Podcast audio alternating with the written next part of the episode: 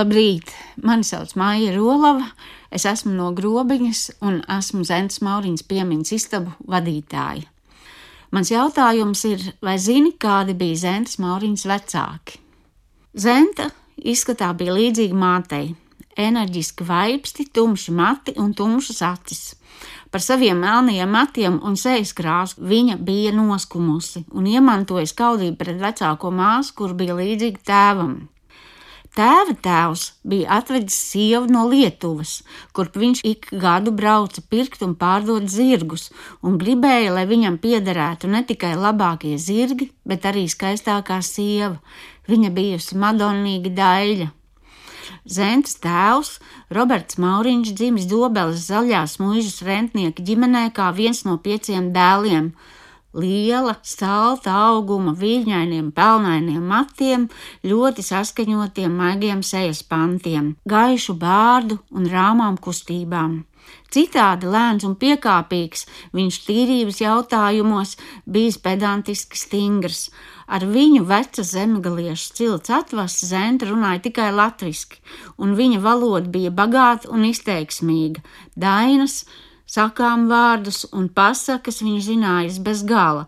Stāstot, viņš tās salīdzināja ar sengrieķu mītiem, veselus homēra dziedājumus viņš zināja no galvas, un viņam tie likušies skaistāki par sievas spēlētajām sonātēm. Kā tēvs zināja no galvas latīņu autorus, tā māte vācu klasiķus. Bet kā mātes pasaule bija un palika mūzika, tā tēva kaislība dabas zinātnes. Tēvam Beethovens licies garlaicīgs, bet mātei kāpuru pētīšana neglīta, taču viņi pratu viens otram dot brīvību un uzticēšanos. Katru gadu dzimšanas dienā viņš zentai dāvināja baltu, pašu uzliedinātu hiecinti. Hiecins uzliedināšanas noslēpums tā arī palicis neatklāts. Medicīnu Roberts studēja Tērbetā un bija stažējies Berlīnē. Kā ārsts viņš bija ļoti iecienīts gan apkārtnes aristokrātu mūžās, kur mājoja izlutinātās baroneses, tā čigāna teltīs. Vecākiem dzīvojot ar cieņu un sapratni, pieredzot divu bērnu nāvi un zentas nedziedināmo slimību, raisījās arī domstarpības. Melānija mēdza vīram pārmest, kā tu, tik labs ārsts būdams, svešiem bērniem atkal un atkal spēja palīdzēt, bet pašu bērnus glābt nespēja. Tas mājās raisīs vārdos nenosaucamu spriedzi. Zentas māte Melānija lieliski spēlēja klavieres. Viņa piederēja vecai zemnieku ciltī, kas Trikātas novadā saimniekojusi jau no 1682. gada. Viņas tēvs, lieltirgotājs un linu šķīrējs ar lielu temperamentu, bija apprecējis vācu skolotāju meitu.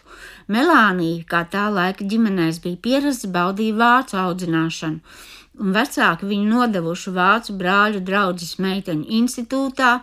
Vēlāk viņa apmeklēja Pēterpils konservatoriju un gatavojās pianistas karjerai. Bagātais vecstāvs lepojās ar savu meitu kā ar zelta pulksteni, kas graznojās par viņu apaļo vēderiņu. Daudzsološās pianistas nodomu izjauc mīlestība pret jauno dakteri un viņas saslimšana ar purva drudzi. Melānija apprecējās vēlu, kad 30 gadi jau bija nodzīvoti. Upurēdam pianistas karjeru, viņa atklāja sevī citu aicinājumu - rūpēties par tiem, kuriem dzīvē neklājas labi. Ar pasaulē atvērtu sirdi viņa dzīvoja mūzikas, gleznu, grāmatu un puķu pasaulē. Melānija domāja, ka jau tas, ka dzīvo, ir skaisti, un ar baudu mēdz izsmēķēt pa cigaretei. Ar gadiem, par spīti savam vecumam, viņa vēlu septembrī vēl peldējās jūrā. Zentai viņa likās kā liels kasteņu koks, kura ēnā katrs var atpūsties. Līdz pašam vecumam viņa bija saglabājusi savu kvēlo sirdi un dzīves prieku. Rakstniecei gan ilgus gadus ir licies, ka māte viņu nemīl un nesaprot. Kā zinādama, ka viņas meita ir tik smagi slima, māte var rīkot koncertus, viesības, kā var mīlēt skaistas kleitas un tīksmināties par tām. Melānija vislabāk ir valkājusi balta zīda kleitas, vismaz baltai zīda blūzai bija jābūt. Tikai jau esot pāri pusmūžam, Zenta Mauriņa sev atklāja, ka šāda melānija atbīdījusi mājās slimnīcas atmosfēru. Daudz nesaprātnes valdījušas mātes un meitas starpā. Kad kā jau pieaugusi sieviete, viņa vēlējās mātes atbalstu savām attiecībām ar Konstantīnu Raudivi, bet no mātes saņēma noraidījumu un neizpratni.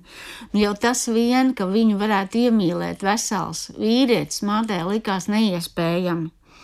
Māte līdz 70 gadiem vēl ilgi stāvēja spoguļu priekšā, priecādamās par skaistu apģērbu bet zents tieksmi pret skaistām drānām viņa sauc par klīrību un greznošanās kāri. Viņa uzskatīja, ka pelēkā kleitiņa zentai ir pašā laikā, bet baltie tērpi ir domāti citām, veselām sievietēm. Bet ko zenta? Zenta gribēja būt skaista.